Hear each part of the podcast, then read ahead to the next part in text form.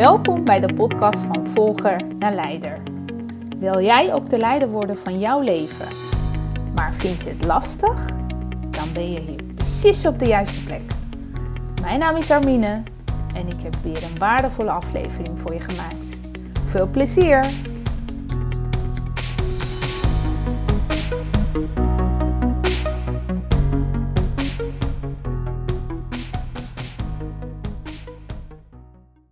Je luistert naar de podcast van Volger naar Leider. Dit is aflevering nummer 13. Hey, hallo. Leuk dat je luistert uh, naar de podcast van Volger naar Leider. Ik heb vandaag weer een uh, interviewaflevering voor jullie uh, in petto. Ik heb een superleuke gast. En wie is dat dan? Ehm, dat ga ik samen met Jonathan doen.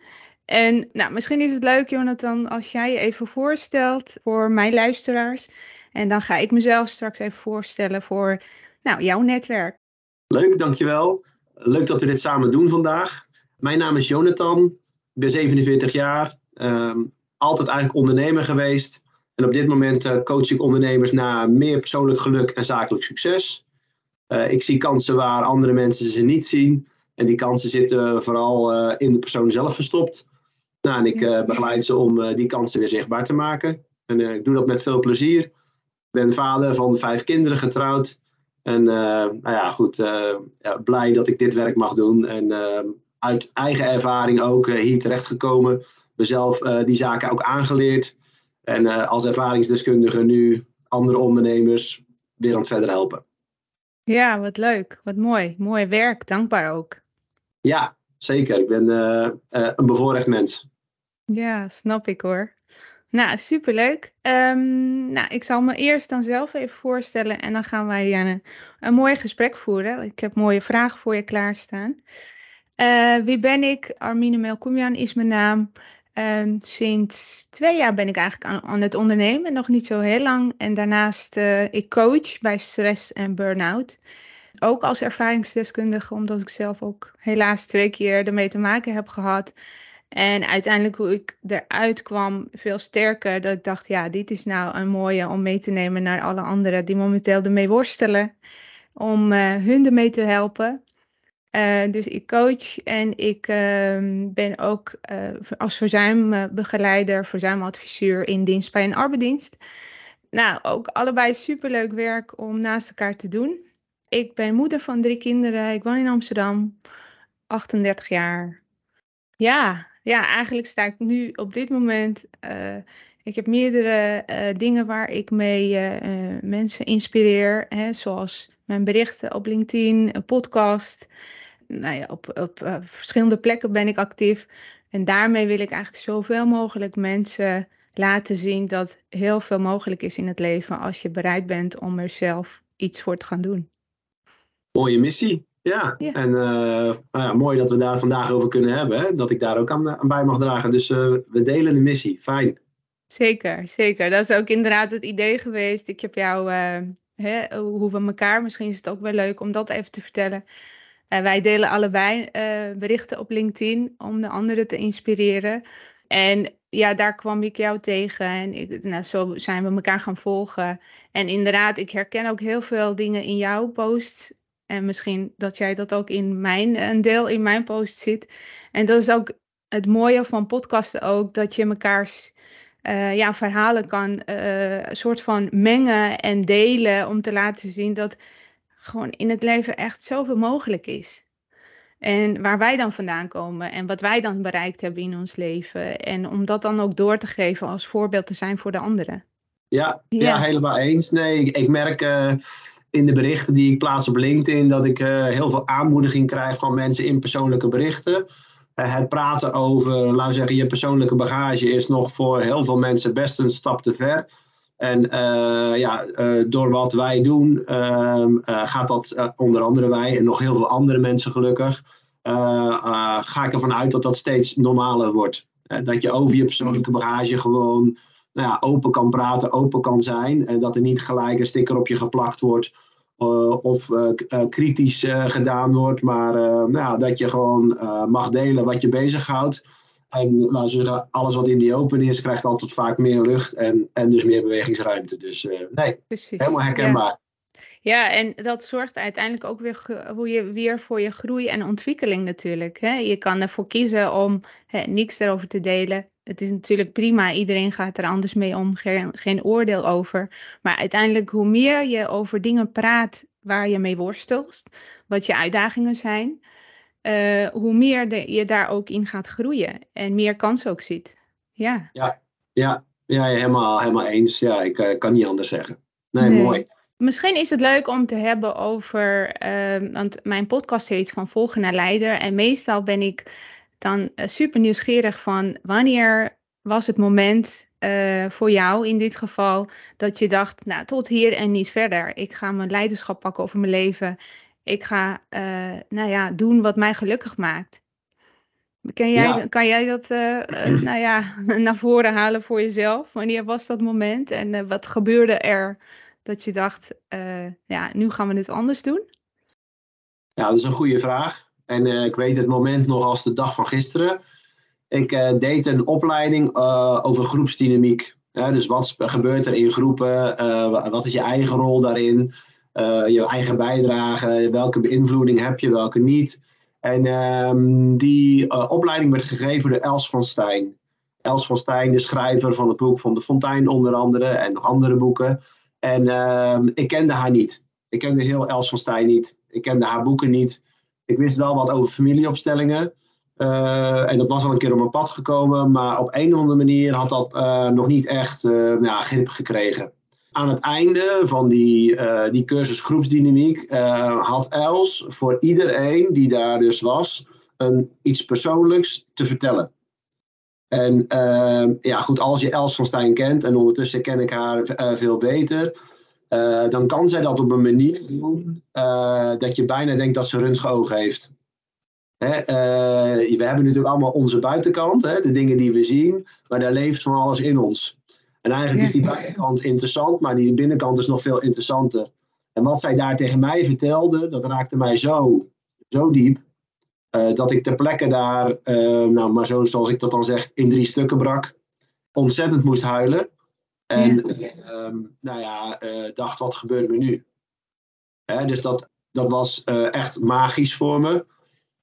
toen de tranen gedroogd waren. Het was een heel kort en intensief moment. Hè. Dat is ook een kenmerk van primaire emoties. Kort en intens. Ik bleef er niet in hangen. En daarna voelde ik me opeens veel sterker. Toen dacht ik, hmm, hoe weet deze vrouw dit? Ja. Hoe kan ze dit? Uh, dus ik ging uiteindelijk naar haar toe toen we alles afgesloten hadden. En toen ben ik met haar in contact gekomen. En toen heeft ze mij uitgelegd waar zij uh, geleerd heeft wat zij kan. Uh, ze heeft natuurlijk een hele lange ervaring. En nou, zo is het balletje gaan rollen. Hè. Dus ik ben me daarin gaan verdiepen. Hè. Zij, zij wees mij op familieopstellingen, op systemisch werk, op coaching. Mm -hmm. En ik ben daar hard mee aan de slag gegaan. En nou, zelf mijn eigen thema's aan gaan kijken. En ondertussen ook gaan leren hoe je dat met andere mensen kan doen. Ja. Dus dat was mijn, uh, ja, voor mij een moment waarop uh, ik eigenlijk inderdaad de kans kreeg. Mm -hmm. Om de controle over mijn leven terug te pakken. En, en daarvoor leefde ik op de automatische piloot. En was dat niet aan de orde. Geen bewustzijn op. Wel natuurlijk alle symptomen. Hè? Dus mm -hmm. last van van alles en nog wat maar je er niet bewust van zijn dat dat ook te veranderen is. Ja, Goh, wat een mooi moment dan, hè? Zo'n echt intens bewustwording. Ja, echt magisch, kan niet anders zeggen. Want hoe kijk je terug naar je, want wanneer was dat? Dat was in 2021. Oké. Okay. Ja. En ho hoe kijk je terug naar je leven tot die tijd? Uh, ik kijk uh, terug naar die tijd als um, ik ben op mijn 21ste ondernemer geworden. Uh, daarin heb ik van alles meegemaakt. Uh, mooie tijden, slechte tijden, makkelijke gebeurtenissen, hele moeilijke gebeurtenissen. En ook in de privésituatie, in werksituatie, had ik gewoon mijn rugzakje zo door de tijd heen behoorlijk gevuld. Mm -hmm. Alleen ik ben uh, heel sterk en daarmee bedoel ik, nou ja, laten we zeggen, ik heb veel energie en ik kon dat allemaal dragen. Alleen ik had helemaal niet het benul ervan dat, dat je daar ook weer van af zou kunnen komen. En het beperkte mij. Ja, als je met een hele zware rugzak de berg op moet lopen, kan natuurlijk. Maar als die wat lichter is, is het makkelijker, kom je verder mogelijk. En hou je ook meer energie over om tijdens het uitrusten eens even een boek te lezen. Nou, zo zie ik het, zeg maar. En uh, mijn leven was. Ik ben nooit wat tekort gekomen in die periode. Uh, maar mijn leven was zoals het was. Ik had geen benul ervan dat er meer was dan ik tot dan toe had ervaren. Eigenlijk op het moment dat je. Het moment van bewustwording. Dat was de keerpunt dat je dacht. Nou, vanaf nu gaan we het anders doen. Wat heb je toen anders gedaan? Nou, ik schrok van de emoties die bovenkwamen en de pijn. Hè. Ik, ik, ik, ik, wist natuurlijk wel dat ik pijn had. Hè. Ik voelde eenzaamheid, ik voelde leegte, ik voelde een incompleetheid. Dat voelde ik al heel lang. Mhm. En uh, die, alleen je kan het geen woorden geven of naam. Uh, je, je voelt dat er iets is en, en nu kan ik het dan woorden geven. Maar ja, je denkt, dit hoort bij het leven ergens hoort het ook bij het leven, hè, zeg maar, dat er dit soort dingen gebeuren. Alleen dat je er ook iets mee zou kunnen, ja, dat was, dat was voor mij helemaal onduidelijk. Uh, ik was wel op zoek, hè, maar ik zocht het op andere plekken. Hè, dus ik zocht het in hard werken. Ik mhm. zocht het in niet stil kunnen zitten. Hè, dus uh, niet, niet zelf tot rust kunnen komen, omdat ik dan heel dicht bij dat gevoel kwam. En dat gevoel, daar wilde ik niet aan. Dus uh, als ik op de bank ging zitten, moest er Netflix gekeken worden als ik op de bank zat maar ik was vooral altijd bezig, altijd mezelf aan het afleiden op allerlei manieren. Om maar niet dat gevoel wat natuurlijk opborrelt, zeg maar, continu als je even tot rust komt, te willen voelen. Ja, ja, dat, ja, ik leidde mezelf af. Ik leefde op de automatische piloot. Ja, oh ja, dat hoor ik zo vaak. En, en, en ik herken het ook gewoon heel erg. Inderdaad, jezelf continu bezighouden. De hele dag door, totdat je slaapt. Hè, dan uh, hoeft het ook allemaal niet meer. En dan s morgens weer gelijk je telefoon pakken, gelijk aanstaan, gelijk allerlei dingen. Waardoor je niet hoeft stil te staan bij jezelf. Van, hè, maar hoe voel ik me dan? Ben ik wel tevreden wat ik aan het doen ben? We gaan wel elke dag naar ons werk. Zijn we daar wel blij mee? Ja, nou ja, en wat ik vooral zag is, ik was niet aanwezig in het nu. Mm En uh, jouw vraag was, en de, daar heb ik nog geen antwoord op gegeven, merk ik nu welke veranderingen heb je dan gemerkt? Met het starten van een opleiding om familieopsteller te worden, hè, starten een opleiding in systemisch werk, uh, dat kan eigenlijk alleen als je ook echt eerlijk en kritisch naar jezelf durft en wilt kijken. En met het starten daarvan kwam ik in allerlei uh, nieuwe, voor mij nieuwe informatie terecht. Over volwassenheid. Hè. Je bent niet als je 18 bent volwassen, ja, volgens de wet. Maar er gaan mensen dood op 99-jarige leeftijd en zijn nooit volwassen geweest. dus wat is nou echte volwassenheid? En dan heb ik het over verstandelijk en emotionele volwassenheid. Wat houdt het mhm. eigenlijk in? Het leven in het nu. Dus niet continu in de toekomst zijn, vooruitdenkend, of altijd in het verleden hangen. Nee, leven in het nu. Het, nu het nu is het enige wat we echt hebben. En nou ja, goed, ik heb geleerd om uh, gewoon, uh, laten we zeggen, heel eenvoudig mijn adem te volgen als je niet weet hoe je in het nu moet zijn, volg je adem en je bent het nu. je lichaam houdt je in het nu, als maar zo te zeggen. Dus ik ben, laat zeggen, al die dingen zijn langzamerhand veranderd. En ik ben gewoontes waar ik vroeger heel veel moeite mee had, kostte me opeens geen enkele moeite meer om mee te stoppen. En dat zat erin dat ik opeens mijn eigen echte stem kon verstaan. Dus niet de stem die ontstaan was naar aanleiding van al die deuken en butsen die ik opgelopen had. Hè? Laten we zo zeggen, stel dat je over een microfoon allemaal lagen gaat leggen. Op een gegeven moment hoor je niet meer de echte stem. En al die lagen vervormen eigenlijk die stem, die originele stem. En uiteindelijk kon ik, uh, doordat ik laag voor laag eigenlijk afpelde, kon ik mijn eigen stem weer verstaan. En mijn eigen stem vertelt mij wat ik echt wil. En dan is het heel makkelijk om dan te zeggen: ik kies voor dat, ik kies voor dat. Dit doe ik niet meer, dat wil ik niet meer. Als je er maar, hè, dus die stem kan verstaan. Ja, nou, het is een super mooie metafoor inderdaad. Al het ruis weghalen, dan blijft dat pure wat je, wat echt uh, Jonathan is in jouw geval dan, dat blijft dan daar. En als je daar de aandacht aan kan geven, ja. dan ben je er. Ja, wat mooi. Precies. Dus ja, dat, dat, heeft, uh, dat zijn dingen die mij erg geholpen hebben dus leven in het nu, mijn eigen stem verstaan. Uh, nou goed, en ook gewoon kritisch naar jezelf kunnen kijken. Uh, en aan kunnen kijken wat je uit het verleden eigenlijk meegenomen hebt. Daar, daarvan te leren. Hè, de cadeaus daaruit te pakken. En al het andere gewoon achter je te laten. Met, met respect, hè. Het, is, het moest er zijn, het mocht er zijn. Maar het, houdt me nu niet meer vast. Nee, want daar wou ik nog even op terugkomen. Die zware rugzak, zeg maar. Daar zitten natuurlijk, ik geloof dat er in het verleden ook altijd hele mooie dingen in zaten. Wat je, kijk, uiteindelijk, wij groeien, als, tenminste als je daar open voor staat, wij groeien dagelijks. Dus in die zin heb je, eh, eh, in het verleden deed je ook dingen op het moment dat je dacht dat dat de juiste keuze was. Uh, op de manier zoals je hè, uh, dacht dat dat het is. Dus in die zin, um, in, in het nu zou je hele andere keuzes gemaakt hebben. Dus ik kijk er zelf ook altijd heel positief van, oké, dingen zijn gelopen zoals ze zijn gelopen. Um, maar ze hebben mij wel opgeleverd uh, het moment van nu, waar ik nu sta.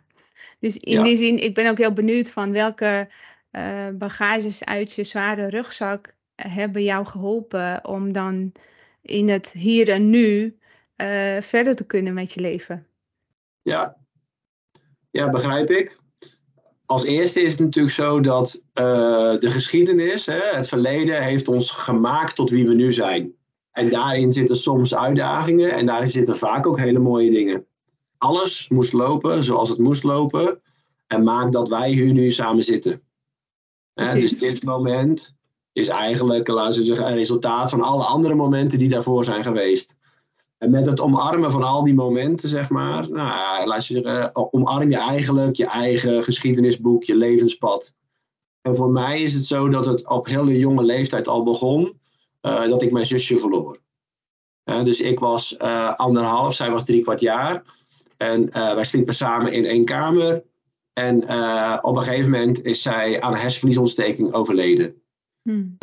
Als je met z'n tweeën bent en je verliest zo je zusje, dan uh, denk je in je leven dat dat allemaal wel qua impact meevalt. Maar als ik nu terugkijk, zeg maar, en bemerk, zeg maar, welke symptomen ik liet zien. En uiteindelijk daar ook aan gerelateerd waren. Onder andere die eenzaamheid. Hè, altijd mhm. op zoek uh, naar mijn zusje, om het maar zo te zeggen. Ja, is dat natuurlijk wel prettig als je dat dan op een gegeven moment ook als je af kan sluiten. En niet wegduwen, hè, dat zijn twee verschillende dingen. Wegstoppen is wat anders dan afsluiten. Het afsluiten zeg je eigenlijk, hè, je hoort er voor mij helemaal bij. Hè, um, laten we zeggen, ik ben levend, jij niet. Uh, ik had graag met je gespeeld. Hè, uh, eigenlijk dat soort dingen krijg je dan. Je eindigt eigenlijk met de interne nou, zeg een boodschap naar je zusje. Ik leef nu nog even en als het mijn tijd is, dan kom ik naar je toe. Hè? Mm -hmm. Maar dat is nu nog niet. Nou, en, eh, en, en, zo even in een nutshell ga je dan zo'n traject door. Als ik nu ook kijk, zeg maar, dan was een van de volgende dingen die ik meemaakte, was dat ik op 12-jarige leeftijd mijn nek brak. Ik was dusdanig uh, dat ik uh, 1 op de duizend overleefde het. Maar iedereen kwam in een rolstoel. Ik niet. Mm. Dus er was een reden uh, dat ik niet in een rolstoel hoefde. Er was een reden dat ik niet uh, op dat moment, uh, zeggen, van deze wereld zou vertrekken. Er was een reden dat ik door mocht. En ik weet nog dat ik op de grond lag, dat ik mezelf ook heb zien liggen, net na het ongeluk. En dat ik dacht van ja, dit is niet de, de bedoeling. En dacht is natuurlijk niet het goede woord, maar ik ging weer terug en um, nou, ik werd van de straat geraapt, dus ik zal niet te veel in detail uh, treden. Maar uiteindelijk kwam ik in het ziekenhuis terecht en ik was die week ook jarig. En de arts zei tegen mij, want ik wilde graag naar huis om mijn verjaardag thuis te vieren. Hij zei, als jij weer kan lopen op je verjaardag mag je naar huis. Dus nou ja, dat, is, uh, dat was een grote vraag of dat zou kunnen. Mm -hmm. Blijkbaar was het niet uh, zoveel beschadigd dat ik dat niet kon. Dus gelukkig kon ik dat laten zien in die dagen en mocht ik naar huis. Wat zoiets brengt, is natuurlijk dat, je, dat het een grote impact op je maakt. Ja, en dat geloof ik. Zelf, maar ook de periode daarna van herstel. De manier waarop je op dat moment, eh, laten we zeggen, hersteld Dus dat ik een corset kreeg met pilaren op mijn hoofd. En een, een metalen band op mijn hoofd geschroefd, wat dan weer aan die pilaren vast zat, om mijn nek, maar zeggen, in dezelfde positie ten opzichte van mij rond te houden. Uh, zo zijn er nog wel een aantal zaken, en ik weet ook niet hoe lang je wil weten, maar ik ben jong getrouwd. Dat is geen, uh, geen trauma. Dat was een hele mooie en uh, positieve dag. Uh, uiteindelijk ben ik ook gescheiden. omdat ik toch merkte dat. ja, ik, ik wist niet wie ik was. Ik wist niet waar ik bij wilde horen. Ik wist niet wat van mij was, wat van de ander was. En als ik nu terugkijk, zeg maar, ben ik niet, uh, laten zeggen, weggegaan van haar. Maar ik ben weggegaan van alles wat, wat daar voor mij was. Ik kwam er niet van los. Dat is niet prettig. Ik had drie kinderen. Ik heb drie kinderen. Uh, ik heb mhm. zelfs vijf kinderen op dit moment. Yeah. Uh, maar drie kinderen uit mijn eerste huwelijk. Uh, als je die achter moet laten, als je die achterlaat. Hè, want ik heb ervoor gekozen om te stoppen. Nou, dat heeft me heel lang ja, achtervolgd. Achtervolgd is het goede woord. Ja, dus, dus zo vul je langzamerhand uh, die rugzak met dingen. Mijn ouders zijn uh, in een secte terechtgekomen. Hebben ook echt afscheid van mij en uh, mijn broers genomen in de vorm van, eh, ja, wij gaan naar de hemel. En ehm, nou ja, wij zullen jullie niet meer zien. Hè, want wij, ik en mijn broers konden niet mee in dat, die geloofsovertuiging. Dus dan, ja, dan ontstaat er een verschil. Yeah. We hebben ook echt hun huis leeggehaald, net of dat ze overleden waren dus uh, wij kregen de sleutel van mijn ouders en ze zeiden, nou hier is onze sleutel, we hebben de huur opgezegd. Uh, doe maar met uh, het meubilair wat je wil, maar wij hebben het niet meer nodig. Dat brengt wel het een en ander. uiteindelijk ben ik toen, en dan laten we het, jij vroeg mijn rugzak, dus dan krijg je ook mijn rugzak. Uiteindelijk ben ik, um, toen mijn bedrijf best groot was geworden, failliet gegaan, na de bankencrisis. Dus ja, het is niet één lang verdrietig verhaal, even voor de duidelijkheid. Ik heb het zelf zo absoluut niet ervaren. Ehm, maar, maar al die dingen hebben wel gewoon zijn littekens achtergelaten. En nu, en nu kan ik daar naar kijken. Ik kan zien dat het me cadeaus heeft gegeven. Ik kan zien dat het me heel veel heeft gekost ook. Maar ik ben dankbaar voor alles wat gebeurd is. Want het maakt mij tot wie ik nu ben. Ja, precies. Goh, wat een verhaal. Ja. ja. en ik kan er nog wel wat aan toevoegen. Maar ik denk, uh, laat het even nu uh, pauzeren, zeg maar. Maar daarom noem ik mezelf ook echt wel een ervaringsdeskundige. Ik, ik zeg altijd, ik heb alle kleuren van de regenboog wel gezien. En, en absoluut nog niet alles. Maar ik kan met veel mensen uh, aardig meevoelen als er zo'n situatie voorkomt, zeg maar. Dat maakt je inderdaad een rijk persoon. Als je zoveel zelf hebt meegemaakt. Ja. Uh, en je komt uh, natuurlijk met verschillende mensen kom je in contact. Hè? Die allemaal ook een uh, eigen verleden hebben. Maar als je bereid bent om naar al die gebeurtenissen te kijken en uh, met mildheid eigenlijk, met liefde van oké, het is gebeurd, ik accepteer zoals het was. En te, vooral te kijken van wat heeft het mij gebracht. Ja. Uh, dat zorgt voor, voor je groei, voor dat, dat je daarmee juist de anderen kan helpen. En maar ook inspireren van, uh, ik ga niet bij de pakken neerzitten, maar dit is mijn, hè, dit is mijn leven. Maar vanaf hier, wat ik ook altijd zeg, ik heb ook van alles meegemaakt, maar vanaf hier heb ik de keuze om het anders te doen. Ja, en dat brengt me, zo luisterend naar jou, op nog een ander punt. Hè? Dus ik zei het leven in het nu, mijn eigen stem verstaan. Wat ik ook ben, um, nou ja, laat zeggen, eigen gemaakt heb of ben gaan leren, is dat alles wat er gebeurt om mij heen, zeg maar, moet gebeuren. Dus ik ben uh, ervan overtuigd geraakt dat, dat ik eigenlijk bijna zelf geen invloed heb. Ik denk onderdeel te zijn van, laten we zeggen, het grotere geheel. Waar jij ook onderdeel van bent en iedereen. Hè? Dus uh, ja. ik noem dat de grote beweging. Hè? We zijn als mensen, ben ik van overtuigd, op, met elkaar verbonden.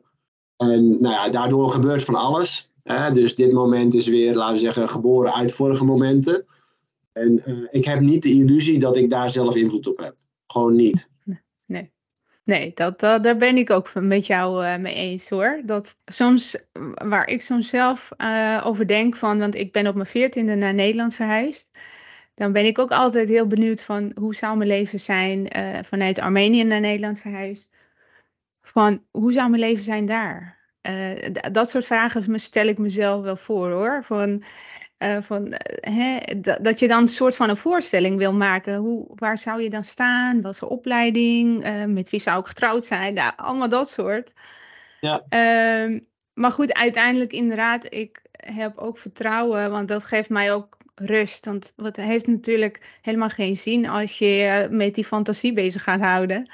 In het hier, nu, hier en nu is, is je gegeven en daar ben ik ook super dankbaar voor. En, zo is mijn leven gelopen en ik heb daar zoveel dingen uitgehaald. En de bedoeling is juist, en dat is ook mijn missie, om zoveel mogelijk mensen ermee te kunnen helpen en inspireren om ook er wat van te maken. Ja. mooi. Nou ja, nogmaals een mooie missie. Ja, en, en inderdaad, wat jij zegt, daar kan ik me volledig bij aansluiten. Hè? Van dit moment dat je samen iets doet. Inderdaad, uh, het heeft te maken met bepaalde keuzes wat je gemaakt hebt, maar ook van de momenten waar je niet altijd invloed op hebt. Zeker. Ja, sommige dingen gaan zoals ze gaan. Uh, ik lees, noem maar wat, in ons geval, op een bepaald moment pak ik mijn telefoon, lees ik een bericht dat mij raakt. En dat, uh, dat uh, lijk ik, of daarmee heb je connectie. Weet je, oh, dat soort dingen, dat weet je nooit van tevoren. Dat is niet te controleren en dit hoeft ook helemaal niet. Weet je, zolang je dat ook los kan laten, het vertrouwen erop dat je juiste dingen op het juiste moment doet. Want ik spreek ook wel eens mensen die laatst had een vriend van mij die had gesolliciteerd voor een bepaalde baan en het was niet geworden. En hij was er van, nou, een beetje van ontdaan van, hè, waarom niet? En ik had het graag gewild. En wat ik tegen hem zei van, dan staat er waarschijnlijk ergens anders een uh, nog mooiere baan op je te wachten. En inderdaad, een maand later had hij echt, nou, superleuke baan waar hij nog steeds gelukkig mee is. Dicht bij het huis en alles wat hij wilde. En dat was ook het moment, en zo leef ik ook in het, uh, sta ik ook in het leven. Van, weet je, als iets niet lukt, vertrouw erop dat er altijd wel een volgende moment komt, wat nog veel mooier is voor jou. Mm. Want het, het, leven is niet tegen ons. Ja. Uh, het, die is juist voor ons, weet ja. je. En het is niet niet gelukt. Het is wel gelukt. Alleen, het was niet de uitkomst die jij had bedacht. Precies. Alles lukt hè, zeg maar. Alleen het gaat niet altijd zoals wij verwachten, zoals wij denken dat het zou moeten. En dan is een stukje nederigheid is wel op zijn plaats. Hè? Als je natuurlijk kijkt hoe nietig en klein wij zijn op, als je alleen al kijkt hoe lang de aarde bestaat. Als je kijkt naar het universum, we zijn maar een vonkje, helemaal niks. Weet je, waar, waar haal je de gedachte vandaan uh, dat je invloed zou hebben op je leven? Uh, en, en, en, die nederigheid, als je dat weer uh, beseft en je je wilt meebewegen in die grote stroom, dan kost het leven veel minder energie. En het zal niet altijd leuk zijn. Ook in die grote stroom moeten er dingen gebeuren die niet leuk zijn. Uh, maar dan geef je je wel daaraan over. Ja. En zeggen mensen, ja, maar dat vind ik heel spannend, want dan ben ik dus eigenlijk geen eigen baas meer. En als je het gaat doen, merk je juist wat een rust het geeft. Als je je overgeeft aan die grote beweging. Precies. Ja, want wij willen overal controle over hebben. Maar zo werkt het natuurlijk niet in het leven. Nee, het is ontzettend vermoeiend.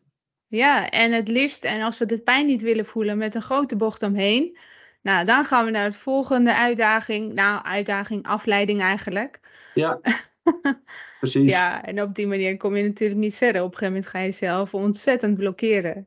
Ja, doordat je niet aankijkt wat er eigenlijk, laten we zeggen, in jouw lichaam opborrelt ga je eh, in de toekomst ook soms wel eens uh, fysieke klachten krijgen. En dus ik spreek heel veel mensen die zeg maar onduidelijke lichamelijke klachten hebben. En als we daar dan mee aan de slag gaan, uh, blijkt er heel vaak zeg maar, uh, ergens een linkje naar het verleden te liggen. Ja. Dat kan in je eigen verleden liggen. En daar bedoel ik mee de geschiedenis die je zelf bewust meegemaakt hebt. Maar het kan ook in de geschiedenis van andere familieleden van jou liggen. En dan wordt het natuurlijk wel erg lastig, want dat weet je soms niet. Nee. Uh, en, en dan zijn die lichamelijke klachten zijn eigenlijk een signaal. Er moet iets gebeuren, ik weet niet wat, hè, maar er moet iets gebeuren. Er moet iets zichtbaar gemaakt worden. Ja, en dat is wel interessant om dan uh, jezelf en je lichaam voldoende serieus te nemen en op zoek te gaan. Ja, want hoe begeleid je die mensen? Uh, ik begeleid dus vooral ondernemers. Hè, en uh, wat ik daarin doe, die ondernemer staat voor mij daarin centraal. En ik kijk naar een aantal dingen. Ik kijk naar hemzelf als systeem. Hè? Dus uh, ons lichaam is een systeem. Een samenraapsel van vel, botten, organen. Hè, nou ja, zeggen weefsel. En op een of andere magische manier werkt dat heel bijzonder samen. En als je heel eerlijk bent, ik hoef nu niet iets te doen om zeg maar mijn spijsvertering aan de gang te zetten. Dus er zit ergens nog een soort van systeem wat nog veel slimmer is dan wij zelf wat mijn hele lichaam bestuurt, zonder dat ik daar echt me bewust van ben. Uh, ik, ben even, ik ben even kwijt. Een vraag was, hoe begeleid je die mensen? Dankjewel. De ondernemer staat voor mij centraal. Zijn lichaam is een systeem. Ja, dus in eerste instantie kijk ik naar de ondernemer zelf en naar zijn systeem. En uh, kijken we wat daar zichtbaar is. tweede instantie, als die ondernemer onderdeel is van een gezin, kijken we naar zijn gezin. hoe is zijn plek daarin? In, in derde instantie kijk ik naar, laten zeggen, hoe is die ondernemer, hoe is die persoon onderdeel van het systeem van zijn bedrijf. Sommige ondernemers werken alleen, sommige ondernemers hebben meerdere mensen in dienst. En al die systemen raken in elkaar, overlappen elkaar. En wat we dus gaan doen, als ik naar iemand kijk, kijk ik nooit naar, laten we zeggen, alleen die persoon. Ik kijk altijd naar het grote geheel. dat, je ziet dat ook steeds meer in de geneeskunde. Ik heb last van mijn knie. Ik kom bij de huisarts en de huisarts zegt, ja, toch eens even wat verder kijken. Oh, het komt uit je bil. Dat is ook raar. Uh, dus het zit vaak niet, de plek waar je iets ziet, is vaak niet de plek waar het vandaan komt. En dus moet je kijken naar het grote geheel. Nou, dat is hoe ik mensen begeleid. Ik kijk dus naar hun grote geheel. En we gaan op zoek naar, als je, als je zou noemen, zeg maar, de dingen dat, waar nu waar zeggen, last van ervaren wordt, waar is dat een oplossing voor? Mm dus waar is dit probleem een oplossing voor? Nou, en het kan heel goed zijn uh, dat jij bepaalde lichamelijke klachten hebt, omdat iets uit jouw familiesysteem zichtbaar moet worden. Het kan ook heel goed zijn dat je lichamelijke klachten hebt, omdat je gewoon niet goed voor jezelf zorgt. Ja, precies. Het is niet altijd natuurlijk uh, heel ingewikkeld en ver weg. Soms is het gewoon, je moet op tijd naar bed, je moet gezond eten en af en toe bewegen. En als je dat niet wil doen, dat zijn de drie basiselementen die je lichaam nodig heeft, ja, dan gaat het op een sputteren. Dat is het uh, begin van verwaarlozing. Ja, ja. maar het is, uh, het, het, ik merk in de praktijk dat heel veel mensen uh, deze tempel, waarin wij wonen, zeg maar, lastig vinden om goed te onder, onderhouden. En dat komt onder andere doordat ze hun eigen stem niet meer kunnen verstaan. Die stem van die ruis hè, uiteindelijk mhm. horen en, en niet begrijpen dat op een gegeven moment genoeg gegeten is. Of uh, er meer geslapen moet worden. En als je die echte stem weer kan verstaan, ja, dan ga je dat ook gewoon doen. En dan begrijp je dat het nodig is voor jezelf. Ja, en daarvoor is rust vooral nodig. Hè? Wij zijn zo bezig met uh, alles en iedereen en om ons heen. Waardoor je, hè, wat wij in het begin ook al over hadden, afleiden met alles en nog wat. Waardoor je totaal niet met jezelf bezig bent. En als je nou eens bereid zou zijn om een keertje meer naar jezelf te luisteren en meer te kijken van oké, maar wat wil ik nou zelf? Hè? Wat maakt het uit wat een ander ervan vindt? Maar als je bereid bent om te kijken van oké, hoe wil ik het zelf en welke keuze ga ik daarin maken? Dat is dan een opening zeg maar naar de groei naar jezelf. Ja, ja, ja nee, dat, uh, ik herken dat. Ik zeg, ik zeg ook tegen de ondernemers die ik begeleid, soms moet je vertragen om te kunnen versnellen.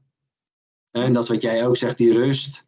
Uh, als je alleen maar op de bank gaat zitten en uh, ja, van binnen gebeurt er van alles, dan heb je nog steeds die rust niet. En rust begint van binnen. Ja. En dat kan ook zijn als je aan het bewegen bent. maar, dus uh, al wandelend kan je rust ervaren, om het maar zo te zeggen. Ja, maar die, ah, die, rust van binnen is inderdaad key om, om stappen te kunnen maken. Ja, mooi. Ja, ja zeker, zeker. Misschien is het ook wel leuk, want ik vraag ook altijd, dat is een van de standaardvragen van, vind je jezelf een leider van je leven? Ik heb mijn leven weer teruggenomen. Hè? Dat was dat moment waar we over gesproken hebben. En ik heb dat niet gedaan. Dat is daar gebeurd. En dat heeft Els ook niet gedaan. Hè? Laten we zeggen, dat heeft het, het leven heeft mij gebracht dat ik op dat moment daar was. Mhm. Dat ik die woorden van haar gekregen heb. Dat ze binnenkwamen. Dus er gebeurt dan heel veel. Dus het leven heeft mij het leven weer teruggegeven. Ja. Ben ik nu dan de leider van mijn leven? Ja en nee. dus we zeiden net eerder in het gesprek, ik geef me over aan wat er in het leven, wat het leven van mij vraagt. Dus vroeger deed ik, dacht ik, dit moet het leven mij geven. Mhm. En nu denk ik, wat uh, vraagt het leven van mij? Dus daarin ben ik volgend. Alleen, um, ik ben ook leidend in de vorm van, ik zorg goed voor mezelf, dat moet ik zelf doen. Ja. Ja. Et cetera, et cetera, et cetera. Een schip met gaten, een schip met zeilen waar gaten in zitten en gaten in de romp, uh, ja, komt niet zo ver. Dus ik moet wel voor een deel hè, de leider van mijn schip zijn, zorgen dat het op orde is. En vervolgens pak ik de stroom en ben ik overgeleverd aan iets wat veel groter is. Ja, precies, mooi. Alles waar je invloed op hebt zelf, waar je zelf wat aan kan doen, daar ben je leider van. Ja. En, en alle andere dingen waar je geen invloed op hebt, uh, ja, ben je aan het volgen. Ja, ja, ja. mooi. En jij, hoe, hoe, hoe, uh, hoe zie jij dat uh, in, in jouw dagelijks leven? Nou, dat zie, nou, ik was vooral heel erg aan het volgen, inderdaad. Ik was, als ik terugkijk naar mijn eigen leven, hoe het allemaal is, is ontstaan, op mijn veertiende op een of andere manier hier beland, uh, gevlucht. Uh, en dan was ik met mijn ouders, met mijn zus en broer, waren we in Nederland. En alles was ineens anders. Ik weet nog dat ik dacht, oké, en nu dan? Weet je, alles. Gewoon alfabet, cultuur, omgang. Uh, en dat, dat ik op dat moment dacht, hoe gaan wij hier wat van maken? Het leek voor mij wel als ik ergens anders opnieuw geboren was of zo. Ja. Zo, zo voelde voor mij. Terwijl ik juist, eh, ik zat midden in mijn puberteit. Ik zou hele andere dingen moeten doen. Ja. Als ik nu kijk naar mijn dochter van 15. Ik denk, oké, maar zo zou het dus, zo ziet het er, nou, normaal tussen de haakjes eruit.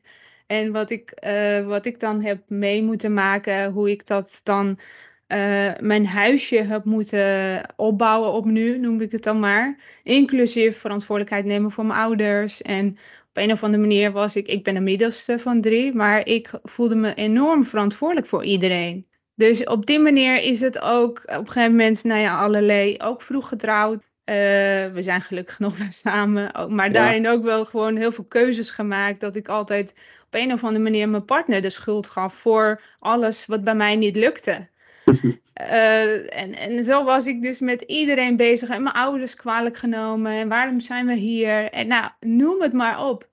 Dat ik dacht, en op die manier ben ik dus ook twee keer uitgevallen. Uh, een lange tijd burn-out gehad. En de laatste keer was drie jaar geleden. En toen dacht ik, ja, nu is het klaar. Nu gaan we hier echt iets anders aan doen. Want zo wil ik mijn leven niet meer leven. En, en toen pas zag ik, want ik heb hoe het bij mij was begonnen. Ik had een uh, voor jou was Els en voor mij was het een andere dame, Margriet Spijksma.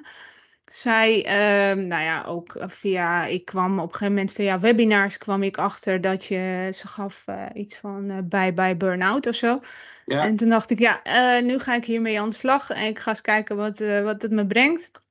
En dat was het moment dat ik dacht, oké, nu gaan we dingen anders doen. Nu gaan we ja. gewoon stap voor stap kijken van wat heb ik tot nu toe als het ware uh, nou, niet op de juiste manier gedaan. En vanaf nu ga ik het anders doen. En op die manier heb ik afgelopen jaren steeds meer gaan, dingen gaan integreren in mijn leven. Maar ook steeds meer loslaten, delegeren. Want ik wilde altijd alles zelf doen. Controle overal op. En uh, nou, mijn partner gaf ik eigenlijk amper de kans om zelf iets te doen. Omdat ik altijd alles heel, heel goed kon. Maar ik merkte dat het mij gewoon blokkeerde. Ik kon niet met zoveel dingen op mijn bord verder. Dus toen heb ik langzamerhand dingen eruit gegooid. Uit mijn bord. Van nou, dit, dit ga ik niet meer doen. Ja, oké, daar ben ik goed in. Maar uiteindelijk, uh, ik krijg daar ook geen energie van. Ik doe omdat ik dat eigen heb gemaakt, toegeëigend, al die taken en verantwoordelijkheden. Maar zijn het überhaupt wel mijn taken en verantwoordelijkheden? Ja, zo heb ik hem ook alle kansen gegeven ook. dus daardoor zijn we enorm juist naar elkaar toegegroeid, omdat ik hem de kans gaf. Ja. ja. Ja, je gaf ruimte. Precies, en waardoor ik wat meer juist leiderschap pakte over mijn leven. Van oké, maar wie ben ik dan echt? En op die manier ben ik steeds meer mezelf beter leren kennen. En hoe meer ik mezelf uh, kende, zeg maar, dat proces zorgde ervoor dat ik dacht, ja, hè, hè, dit is pas ik, ik, voel me nu wel een soort van een leider inderdaad van mijn leven. Mm. Omdat ik nu zelf mag bepalen welke dingen hou ik op mijn bord en welke gooi ik ervan af. Waar heb ik inderdaad wel of geen invloed op? Welke keuzes maak ik dan? En dat zorgt ervoor dat ik mezelf inderdaad wel een leider voel. Ik, tenminste, het is niet klaar. Hè? Het is een, een continu proces natuurlijk. Ja. En daar ben ik ook benieuwd naar van hoe onderhoud jij dat zelf dan? Uh, nu dagelijks. Hè, in, het, uh, in je dingen doen, dat je lekker in je vel blijft uh, zitten en je dingen kan doen zoals je dat graag wil doen. Ja, ik zal beginnen met gewoon de hele praktische dingen. Ik heb 7,5 uur slaap nodig. Mm-hmm. Met net een nieuwe baby is dat best uitdagend. maar ik heb 7,5 uur slaap nodig, dat is duidelijk geworden. Hè? En ik heb heel lang met veel minder uit de voeten gekund. Dan wil ik mezelf het niet te moeilijk maken, is 7,5 uur slaap prettig. Ik merk als ik structureel minder slaap, uh, dat al mijn oude gewoontes uh, weer de kop opsteken en in ieder geval gaan proberen weer ruimte te krijgen. Dus zo eenvoudig is het voor mij. Voldoende slaap, dat is één. Gewoon normaal eten. dus gezond eten. wij starten hier altijd s ochtends zeg maar, met een beetje havermout. Tussenmiddag eten we altijd salade. S'avonds gewoon een fijne avondmaaltijd. En daar draai ik gewoon heel prettig op. Dan heb ik geen behoefte aan alle andere dingen. Uh, en dat is voor mij voldoende. Uh, ik sport één, twee, soms drie keer in de week. Uh, drie kwartier tot een uur helpt mij om ook gewoon fris te blijven. Even wat energie eruit, wat energie erin. ook gewoon ja, eventjes mezelf ook weer uitdagen. dat, gewoon hele praktische dingen die me helpen. Daarbij mediteer ik. En dat zijn helemaal geen uren per dag. Maar regelmatig door de dag heen kruip ik weer even terug in mijn lichaam. En hoe spannend is dat? Helemaal niet spannend. Ik zit eh, in het ziekenhuis ergens te wachten. Ik adem vijf, zes, zeven keer in en uit. Ben even niet met mijn gedachten druk, maar ben gewoon alleen met mezelf. En tuurlijk komen er dan gedachten en die mogen ook gewoon zijn.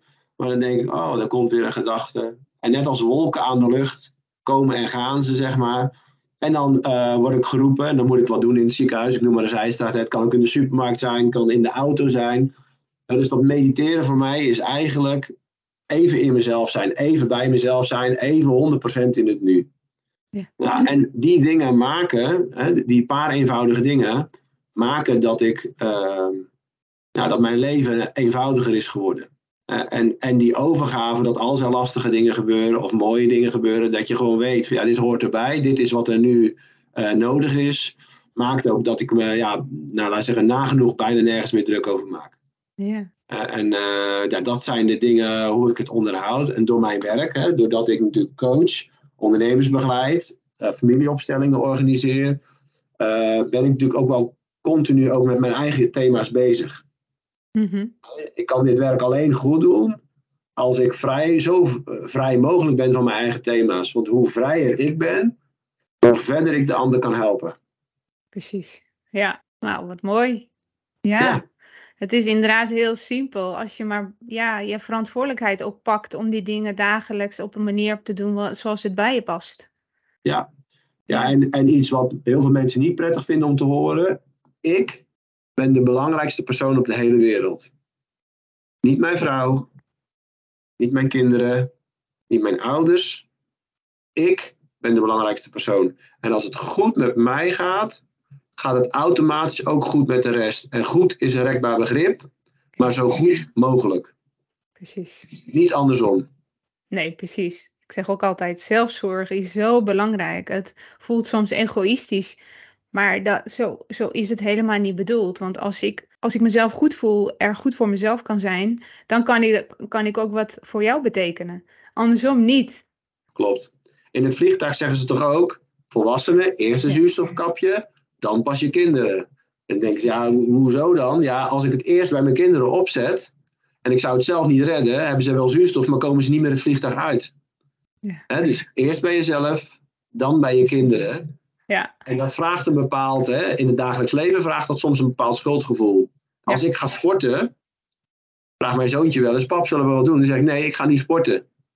En daar voel je je dan schuldig over, want je denkt, ah, hij vraagt het speciaal, hij wil wat met me doen, hè, maar ik moet me dan schuldig maken om dat daadwerkelijk dan te kunnen doen. Want ik weet dat de volgende keer is er weer iemand die wat aan me vraagt, en weer iemand en weer iemand. En uiteindelijk ontstaat er weer de Jonathan, zeg maar, die er een aantal jaar geleden was. En daar was niemand mee geholpen. Nee, precies. Dat. Ja. ja, heel mooi. Als je daar inderdaad bewust, dagelijks bewust mee bezig zijn, kan zijn, dan ben je er. Ja. Ja, ja en, en, en dan uh, gek gezegd, uiteindelijk word je onbewust bekwaam. En daarmee bedoel ik nooit 100%, maar de, maar de uitdaging is natuurlijk dat het je geen moeite meer kost om uh, in die staat te kunnen blijven. En dat bedoel ik niet een of andere spirituele staat, maar gewoon te zijn waar je je eigenlijk prettig bij voelt. Te zijn wie je ooit bedoeld was. En dan is het natuurlijk fijn als dat lukt. Hè? En natuurlijk op heel veel punten ben je altijd nog aan het sleutelen. Maar het uitgangspunt is, onbewust, bekwaam. Ja, precies. Want we zijn op aarde om onszelf te zijn. Pure zelf van ons, die we uh, afgelopen jaren kwijt zijn geraakt. Ja, precies. En, als en hij zit er gewoon nog. Ja, precies. Als je daar dagelijks die lagen eruit kan halen. En, en structureel daar, ja, weet je, dat, dat is voor mij hoe ik dat onderhoud. Inderdaad, ook de dingen wat jij zegt, daar herken ik ook in. Sport is voor mij enorm belangrijk. Maar ook gezond voeding en mezelf met uh, boeken en allemaal dat soort inspiratiebronnen blijven voeden. Dat is voor mij heel belangrijk. Uh, zodat ik er ook weer voor de anderen kan zijn. Je moet, het, je moet het structureel doen. Het is niet even dit en klaar. Het is dagelijks. Dit is een proces van. Uh, ik ook in mijn um, coachingstrajecten uh, vragen mensen heel vaak van ja, wanneer kom ik hier uit? Uh, Burn-out, hoe lang duurt het? Hoe lang, wanneer ben ik hersteld? Ja. Ik leg dan ook uit dat het niet een kwestie is van hè, uh, even een trucje, even een gesprek met mij of uh, sommige antidepressiva of allemaal dat soort. Zo werkt het niet in het leven. Weet nee. je? En dat vind ik ook een mooi proces om de bewustwording bij hun naar voren te brengen van, weet je, het is een proces van zo uh, veranderen van je levensstijl. Nou, dat klinkt heel, heel groot. Hè? Mensen willen helemaal niks veranderen. Want alles wat er niet is, ondanks dat het niet helpt, ja, liever zoveel mogelijk het houden zoals het is. Maar uiteindelijk gaat het erom dat als je. Kijk, wij kunnen dat heel goed begrijpen, omdat we ons dagelijks daarmee voeden ook. Hè? Wij maken de keuzes die ons helpen. Dus daarin is het ook zoveel mogelijk ook de anderen helpen, inspireren, meegeven. Dat het een iets wat niet meer werkt, iets wat niet, jou niet meer helpt, daar ding je een verandering in te brengen. Op welke manier dan ook. Het hoeft niet gelijk, alles hoeft niet gelijk te veranderen, maar dagelijks een klein stapje en dankbaar zijn wat wel lukt, dat is voor mij al een succes. Ja, zo is het. In kleine stapjes, in kleine stapjes naar boven. En je realiseren dat je daarna ook niet meer terug kan. Ja. Dus je hebt nieuwe keuzes erbij gekregen. Je hebt dan mogelijk de goede keuzes gemaakt. Uh, je bent weer een stapje verder gekomen. Realiseer je ook dat je dan niet meer terug kan. En dat bedoel ik op een positieve manier. Ja. En als er kennis geeft verantwoording. Je weet nu dat je ook anders kan. Je hebt het ook laten zien. Dus ja, dan is het ook de kunst om dat vast te blijven houden. Ja, en ik, en ik denk, een groot deel van mijn werk zit ook, uh, dus ik werk veel uh, vanuit systemisch oogpunt. Maar een groot deel van mijn werk zit ook in overtuigingen. Ja. Mensen die zichzelf op een gegeven moment al aangepraat hebben. Mensen die wat overgenomen hebben. Mensen die dingen op een bepaalde manier opgevoed zijn. Die ook eens ter discussie te stellen. Uh, en eigenlijk dat je met nieuwsgierigheid ook gewoon weer eens naar jezelf kijkt. Uh, ja. en, uh, en, en, en denkt, ja, is dit wat ik zeg eigenlijk wel waar? En als alleen al de ruimte ontstaat dat je je realiseert dat je het mogelijk mis zou kunnen hebben, hè, want we weten gewoon niet alles, denken we wel, maar weten we niet, dan ontstaat er al ruimte. Ja, inderdaad. Geloof niet alles wat je denkt. nee, nee, nee. Uh, gewoon standaard niet, in ieder geval. Hè, je ja. gedachten heb je helemaal niks aan. Uh, dus als er ruimte ontstaat bij jezelf dat je het mogelijk ook gewoon mis hebt, of misschien net uh, op een andere manier ziet, dan hoef je niet het uh, over te nemen zoals ik naar de wereld kijk. Maar als er al ruimte staat om met ja, uh, verwondering te kijken naar dingen. Ja, ik denk dat dat een stapje is. En, en wat dan jouw nieuwe overtuiging wordt, ik vind het goed. Ja. Maar uh, kom, kom hier gewoon maar eens los uit waar je nu zit. Precies, ja. Ja, mooi. Ja. Heb jij nog een laatste ehm, tips, inspiratie, iets, iets wat je denkt van dat is nog mooi om mee te geven aan, aan de luisteraars? Ja, ik heb wel. Uh, gisteravond hadden we in Boeren weer een workshop. En dat uh, was een workshop met drie uh, opstellingen. Wat ik merk is dat we soms een beetje vergeten zijn dat we dus met elkaar verbonden zijn als mensen. Uh, en dat we met elkaar, dit was een, een, groep van twaalf mensen, hele mooie en bijzondere dingen mee kunnen maken. Zonder dat we elkaar eigenlijk kennen. Mm -hmm. zonder dat we alles van elkaar weten. en dat we die optie als mensen hebben. We zijn in staat om heel veel vervelende en nare dingen met elkaar te doen. Maar er zit ook heel veel kracht in de mooie kanten die we hebben. En ja, weet je, wat ik zou uh, nou, mensen uh, toewens is: uh, kijk weer eens naar de ander. Kijk weer eens in die ogen en, en kijk eens echt. En kijk dan niet alleen naar de persoon die je ziet, maar kijk ook eens naar het grotere geheel waar hij of zij bij hoort. En dat is uiteindelijk het systeem waar ze zich in bevinden, maar dat is ook hun geschiedenis. En als je dat volledig kan omarmen, niet alleen wat je ziet, maar alles wat die persoon ook met zich meedraagt, is het misschien wel mogelijk om oordeelloos naar die ander te kijken.